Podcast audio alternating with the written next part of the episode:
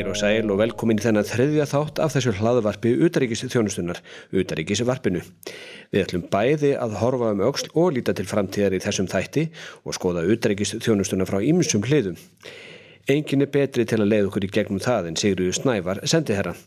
Hún á að baki langan og farsælan feril í þjónustunni, var fyrst hvenna til að gegna ennbætti sendiherra og leiði nú deilt heimasendiherra í ráðunitinu. Ég rætti við hana um lífið og starfið og byrjaði á að spyrja hana um fyrsta daginn í utryggisþjónustunni. Jú, ég man hann sko eins og hann hefði gert í gerð, ég bjó í lítill íbúð á hverfskötu og það var ekki eins og baðherbyggið þar eða salerni og mikið mál að ganga upp uh, hverfskötuna. Ég var höllt, hafði brákað fótinn á, uh, um mitt þegar var verið að bjóða mér uh, að taka mér barnatíman í sjónvarpinu. En ég gekk hann upp keik og, og kem þá inn og allir eru að hölsa mér. En það var 13. dagur oktobermánaðar og það var förstu dagur og ég held mér að orðið pínu svona hrettir við, við, við þessa svona skrifnuðu dagsetningu og allavega vildi engin, allir, allir buðið með velkonum hjá handabandi en allir voru í því að sko passa að það var ekki, við myndum ekki heilsast yfir þröskuld. Það hef ég aldrei hefð síðan. Hvorki fyrir mjög síðan, þetta er, e, það var vantilega ekki verið marga konur í þjónustunum þessum tíma Nei, þær voru, ég veit að fulla konum, guðmi góður, alveg dásanlega konur, bestu vinkonum mínar eru jafnaldri mínar í utarkið en ef þú ert að spyrja um konur sem ennbætismenn þá var það frekafátíkt og þær höfðu nokkra orðið ennbætismenn eftir margra áratíða starf innan þjónustuna sem var bara gott að blessa og mjög gott en, en það að koma svona ung og beint frá uh, prófborið, það var óvennilegt og hérna, nei, nei, þetta gekk nú allt svona, ég var óskuplítil í mér, það er, hérna, jú Hvers vegna sóturum að koma hingað en ekki að taka við barnandímanum í sjónvarpinu? Já, það er nátt að spyrja því. Ég veist að það hefði nú hendað mínu skapandi svona, þætti í mínu persónuleika mjög vel með barnandíman. En ég hafði þetta, uh, mér langaði bara til að verða diplomat, alveg frá því að ég fór 17 ára gömul og til Berlínar og stóð fyrir svona Berlínamúrin og hugsaði með mér með góður hvað það er æðistaflega merkilegt það sem maður getur samin að það sem sundrað hefur verið. Og horta á hann Gattavír og sem var svo mikið æ, ræðilegt tákn fyrir stríð og Já, þarna var náttúrulega kaldastriðið ennþá og þegar þú kemur inn og bæði náttúrulega þeim tíma sem þú lýsir þarna, kaldastriðið náttúrulega bara í, í algleimingi. Kaldastriðið í algleimingi en gáðu líka því að 76 þá vinnum við nú landtækjastriðið mm -hmm. og það er auðvitað sko diplomatisk þregraun sem og handildamáli var á sínum tíma. Þannig að það er mjög gaman að ganga inn á þennan völl á þessum degi einmitt vegna þess að við höfðum að baki svo mikið sjálfstyrkingur. Við vorum búin að fá fullveldið yfir menningaverðmættunum okkar eða því sem máli skipti mm -hmm. þeim og yfir allum okkar auðlindum. Landtælisgeslan blómstræði, hérna það var þetta mjög margir út af varnaliðinu og uh, það var svolítið, uh, en já það var bæðið svona sjálfstyrking í gangi svolítið en líka kannski svolítið tómarum og þess vegna var það sem ég hallaði mér svo mikið að Pétri Tórstensson.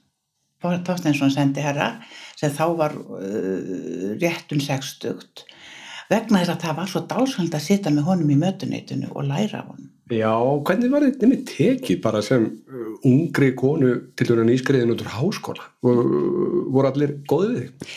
Já, það var nú svona til að byrja með ekki vandamál en við, þetta er nú bara svona auðvitað voru uh, menn sumir í kerfisvörn og, og þeir voru bara það var óskaplega mikil hérna kynnslóðabil milli kynnslóðar minnar sem er svona aðeins út í 68 mm. þó smá aðeins fyrir maður aðeins yngri en samt við erum svona á móti hefðaspekinni og við viljum riðja uh, brautin á með nýjum hætti og okkur finnst þetta allt og það hallar í slett og ægileg forneskja í gamla fólkinu sko sem þá var rétt 50 það er svona en nú líður bara. En þá hefur uh, einn mest reynsluboltinn Pétur Tóst þess að hann hefur tekið á mér af og, og þessir eldstu enda náttúrulega var ég ekkert fyrir þeim. Nei, nei, nei og Agnar og, og Henrik það, var mjög gama fyrir mig að kynast þeim.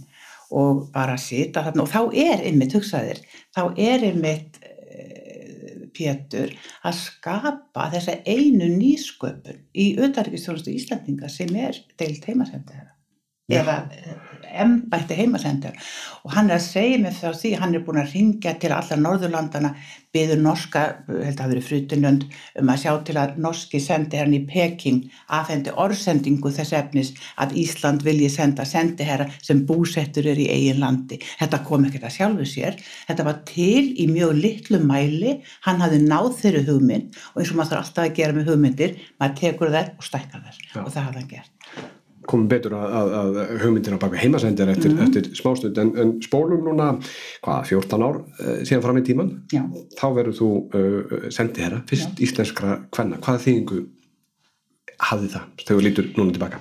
Já, það var auðvitað 71 ári eftir að Sveit Björnsson eh, fyrirverandi brunamálastjóri var fyrstur kalla og fyrstur Íslendinga sendi herra og mér hafði það ansið gott, því við höfðum auðvitað engan það kannski ekki verið fagdiplomat diplomasíðan var ekki til mm. og það sama gildi náttúrulega viða um lönd en hann var sko brunamálastjóri og ég hef oft sagt að þetta hafi nú alveg verið drauma reynsla fyrir mann og mér hefur oft liðið svona pínu sveinsbjörnsunarlega þegar mann er hend út í hvað sem er og Jú, hvað þýðingar hafði það? Það hafði náttúrulega, mjög, það var svolítið merkilegt að fyrsta konan á Norðurlöndunum sem varð sendiherra var hún Bótil Bergtrúp sem var sendiherra á Íslandi sendiherra Dana á Íslandi árið 1949 og það magnaða var að henn á hana var aldrei minnst við mig, aldrei. Það var móði mín sem að, lagði, sem að var að laga til í skúfum og sagði, þú veistu þetta um Bótil var sendiherra ég hafði aldrei heyrt það. Hún er grafin með þessi skálaldri já, já, og var alveg hugsaður að vera sendur að dana á Íslandi strax til líðveldistofnun það þarf nú bara svolítið eh, mannesku bæri með kjark og dugnað og, og það þarf eitthvað til. Heldur betur. En e, fyrir því, ég meina var, var, var, var það erfitt eða var kannski í diplomasjönu á alltaf vettvangi þá þegar fullt af konum sendið þeirra? ekki fullt af konum en það var, það var nú aðalega 38 ára gömul sem var kannski eh, skrítið en uh, ég náttúrulega fór bara að gráta þegar ég var það er náttúrulega, það er 1990 sem hringtir í mig og mér er bóðin staðan. Það er þá Stengrumur Hermansson, fórsættisráðara og Jón Baldvin Hannibalsson utarriksráðara, það var svo ríkistótt sem skipaði mig. Og skipun er ákvörðuð 1990, þannig að við gætum verið í nullinu þar í kvennasögunni. En auðvitað er undirritað brefið ekki fyrir enn í 1. februar 91 Ég fór að hágráta og ég man að pappi var hjá mér í heimsókn og hann sló sko hraðametti í gungu til að óskalla hamingju og þegar hann kom upp í, ráð, upp í sendiráði þegar ég var í bonn þá sagðan og dóttir mín orðin sendi hér í Finnlandi. Og allir bara þau voru fyrðulosnir en hann var svo mikil Finnlandsveinur og Finnland á þeim tíma til þetta Stokkólmi Já, þannig að þetta, þetta hefur verið e, og væntalega góðu tími síðan farið í hönd þar. Jú, alveg ótrúlega góður. Og svo fekk ég þetta nýju löndin eins og Ísland og Lettland. Og ég Já, heldur betur spennandi tíma. Það voru alveg, ég smiklaði kertan í milli landa og hann neytaði auðvitað að taka við afbrísárutin frá sáðurska sendiráðinu og, og stóð bara fyrir framann landamærin í Lettlandi og sagðist bara ekkert koma að inn en maður fengi að fara án áriðunar og ég stóð hinnum meginn og horfði á hann með protokollin, mín meginn og svo bara heldum við áfram að ríðast þangarlega hvað hann stefir og þá lærði, en það var svo gaman að ég, ég átti setna eftir að verða protokollstjóri og þá áttaði ég á mig hvað maður hefur mikið vald sem protokollstjóri Já, einmitt, þú er búin að nokkra hatta fyrir utan að gegna þessum hefðbunari sendiherra störfum. Mm. verið bladafullur í starfinu sem ég gegni núna protokollstjóri e, þetta, og einmitt að að nefnir protokollin, þetta virka nú fyrir fólk fyrir utan þjónustuna virkar þetta örgulega hálf furðulega protokoll, hvað gerir protokollin er þetta eitthvað sem skiptir í alveg máli? Það skiptir alveg ótrúlega máli og það er svo erfitt að skýra það en, en, og það er bara að lifa það eiginlega sjálfur. Því að protokollin í hverju landi er það sem að protokollstjórun á þeim tíma segir hann sé. Það er svo einfalt. Hvað? Þetta verður útskýrað Sko protokollstjórun er bæði fulltrúi sendarinn á staðnum mm. og sendarinn að gagvart Íslandi og Eh, okkar. Þannig að þetta er eini maðurinn í stjórnkerfinu sem raunverulega getur staðið báðum megin. Hann ber ábyrð til dæmis með bandarska sendir á því að það kom eitthvað fyrir sem þeir töldu vera sko öryggisatriði, þá var ég kvöld út að nátt. Já. Já, og það gerðist og vegna þess að við bárum ábyrð á öryggi þú mannst að öryggið er alltaf nummer eitt nú að veirutímum upplifum það sterkar nefla borgaraþjónustan, hún þarf alltaf að líka að vera hérna uppi, við erum að bera svona hlaði virðingu fyrir þessum störfum, líka innan hús vegna þeirra fremsta skildastjórnvaldar er að verja sitt fólk. Við upplifum það núna og margir skiljaði betur. Ekkert, ég byrjaði borgaraþjónustunni ekkert hefur skilað mér meiri ávöxtum en borgaraþjónustun, hugsaðir Þetta er einmitt þjónustan í því sem utaríkistjónustan er á samt viðskiptaþjónustunni kannski. Þetta er hérna í þessari framleginu skiptir það sem við gerum kannski komast. En gáða því að þegar ég byrjaði að þá var enginn viðskiptaþjónust. Það var ekkert viðskiptaskrifstofa. Við vorum og sko einfallega ekki með viðskiptamál. Það er útilöga einhvern veginn og ímyndast þetta í dag því að þetta er svo stór þáttur í okkar breytist þetta með EES-samningnum eða, eða... Það breytist með því að Steingurum Hermansson vildi fá að vera líka viðskiptar á þeirra, utarikisviðskiptar á þeirra ef hann átti að vera utarikisráður og gott í honum en til dæmis þegar ég sendi Mosku sem er sex mánuðum eftir að ég byrjaði og er semst í júni bara 79 að þá er það Pétur sem ákveður að ég ákveður nákvæmlega hvernig að ebla mig og hvernig að eiga undirbúa mig. Þess vegna hef ég kannski verið svolítið mentor fyrir yngra fólk og mm. Elskaði að vera í með nýliða fræðslu og vera mentor fyrir fólk. Af því að ég nöyt það sjálf, gáða því. Það, maður gefur það sem manni hefur verið gefið sjálfum. Og hérna, hann sendi mér viku í virktaráðundi. Þar satt ég við hliðin á Þórald Láskísinni og í skjálusafninu og laði alla samningan og, og, og talaði við hann alveg heila vik og hugsaði 26 ára krílið þarna og með bara með hlýðin á ráðundustjórnum í viðskiptarráðundur. Svo sendum við Laskenasi, það var ímislegt sem letum við bjóð þá í Íslandi og ég þetta gerði ímislegt fyrir, fyrir föður hans og sýstur og, og stóð náttúrulega gerði það sjálfsögðu. Og svo senda mér til hans hérna Átna Bergman og konar hans og hérna þannig að ég og hitti, hitti mér svo tengda með maður og talaði svolítið rústinsku við þau. Og svo var ég sendið Lingiberga Hafstíð í, í hérna, rústinsku kjænsli þannig að þetta var alveg glæsilega gert. Já, þetta hefur bara verið hörgu skóli sko. Við hlýðum að fullur í vinnu Já, já, já allir slagan um því. E, bara svona lítið nú tilbaka á utdragisfjónustuna og heyri stundum þessar hlattir að fólki finnst ekki alveg verið takt í tíman mm. Kóttilbóð og, og óþörf sendir að núna á þessum tímu þar sem við erum alla þessar samskiptamöguleika sem eru núna fyrir hendi hvað finnst þér? Er, er utarrikistjónustun í dag, er hún einhver tímaskækja eða, eða, eða hvernig sér þú þetta fyrir þér? Já, þetta er nú bara erfiðasta spurning, þetta er svona miljón dólar spurningin. Ef ég geti sendt flöskuskeiti uh, út í framtíðina þá er spurning hvað það myndir lenda uh, hvort að við höldum ákveðnum struktúrum uh, en breytum innan veggjana, mm. innan veggja gamla húsins eða hvort að það verði bara til nýju hús út um allt. Þetta er, ég held að hver eina það stofnum þurfa að spyrja þess að þessu, hvort hún er, hvort hún lifi áfram auðvita vegna þeirra þrauta sem hún leysir, gáða því. Hvert einast okkar er að leysa þrautir og meðan svo er þá mun starfseminn ekki hætta en það er svo margt komið þjarkar og drónar og, og, netið og gerfugreindin og tala um stafræna sendiherra og fundið með tjóðu stóðstætta fyrir já, já. fyrir tveimur árum. Já, nákvæmlega stafræna sendiherra það er, og það er að sumuleiti sem við erum að búa til heimasendiherrarnir, við erum að búa til svolítið það sem kallaði virtual embassy. Og það er þetta bara hlut af því að nýta sér það til. En við líka gáða því sko að þegar við erum að, að byrja og er þarna 10% af, mm -hmm. af embætsmannhófnum að þá er eins og þú veist ekki viðskiptamálinn undir okkur en það er líka svo þröngt svið sem var á, svið, á tímum kaldastriðsins. Það var afar varnamálatengt, það var afar hápolítist sem er mjög spennandi, ég, ég var náttúrulega mentuð á því sviði sem, þannig að ég, ég gæti notið mín ágjörlega við þær aðstæður. En í dag eru við að taka heilt samfélag nánast og skapa og vera hluti af því að, eins og þú kallar, utanríkis varpa því, sko, yfir í, í alþjóða, alþjóða geiran og þannig að það er svo allt aðrar aðstæður. En ég segi sko tímatni breytast en menninni kannski ekki. Og ég held einmitt að margt sem við gerum best að, að hérna, semja, það getur jafnvel ekki gerðvigrindin gert. Við getum þjónað og það getur ekki gerðvigrindin gert. Við höfum þessi mjúku gildi eða soft power sem segja mjúkt vald þar sem Ísland stendur svo stert ég er með Asíulöndir og Singapur og Malasíu og þau og Ástralju jafnvel þar sem menn eru fyrst og fremst að byggja um listaháskóla. Og, og fyrst og fremst að byggjum, byggjum það vald til sín frá okkur. Og hérna þannig að það er sko hvar, hver er áfangastæðurinn erum við ekki alltaf að sigla og við bara trúum því að við séum að, að nálgast áfangastæðin en við þurfum þetta fyrst og náttúrulega að bjarga áhöfnum. Mikið rétt, við erum aðeins farin að, að, að tæpa einmitt á því sem þú ert að gera í dag sem er til heimasendi herrana uh, hún er frekar nýja nálinu þó eins og nefndir hérna áðan að, að þá hafa heimasendi herru í ákveðum formum týðkast miklu lengur. En e, þetta er rauninni ein af afurðum mm. skýrslunum um auðverkistjónustu til framtíða sem við rættum um auðverkistjónustu hérna daginn.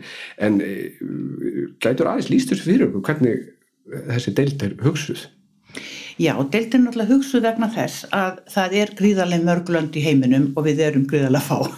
Við maður bara setja það upp svona. Og auðvitað er þetta er vandi allar ríka, það eru 200 ríki í dag og ég menn ég er bandaríkinur í vandraði með manna allt sitt lið alls þar þannig það er auðvitað eðlilegt að menn spyrji. Það varð aftur svona endurreist hérna heima sendir á það þegar Georgia hætti að geta heyrst undir sendiráðin í Moskvu mjög, mjög mörg Evróplönd voru með Georgiu sem hluta þeim pakka sem þeirra sendiherra í Moskú var með og eftir þau óskup sem urðu á milli þess að tveggja uh, ríkja var auðvitað ekki hægt að hafa þá einni hendi. Þannig að það er þannig sem hlýta mér spendit Áskilsson veður sendiherra í, í, í Georgiu og þar með hefst svona þessi endur reysn og Marja, Marja Erla Maraldóttir sem er núna í, í, í, í okkar mannski Berlin Akkurat, hún var líka heimasendi hún var í Palestínu og viðar og þegar við komum svo að framtíðarskýstunum þá finnst mér þetta að vera eitthvað sem þurfa að skoða. Og ég fer auðvitað í allskenn skömmulplögg og, og, og hérna átta mig á því að þarna sé mjög eftir frambóðið voru við með fórsett úrskurð sem ég bara nú vist ábyrð á en maður þarf að leiða þetta sjálfan sér endalust og þar var þetta búið að setja alveg rosalega mikið af löndum undir hvern og einn að því við, við vorum að reyna ná, nálgast alla til að fá atkvæði Nú þær aðstæði voru þetta að gera breyttar og, og hérna mér fannst orðið alveg rosalegt að til dæmis Kína væri með tíu lönd, það er nú alveg Já. ærið að vera sendera þar og auðvitað hætti að hafa einhver lönd með því en ekki, ekki þennan fjölda og þá fóru við í það að gera fórsetúskurð, það sem var gerðar gríðalega breytingar og 32 nýríki voru tekin úr umdæmum sendir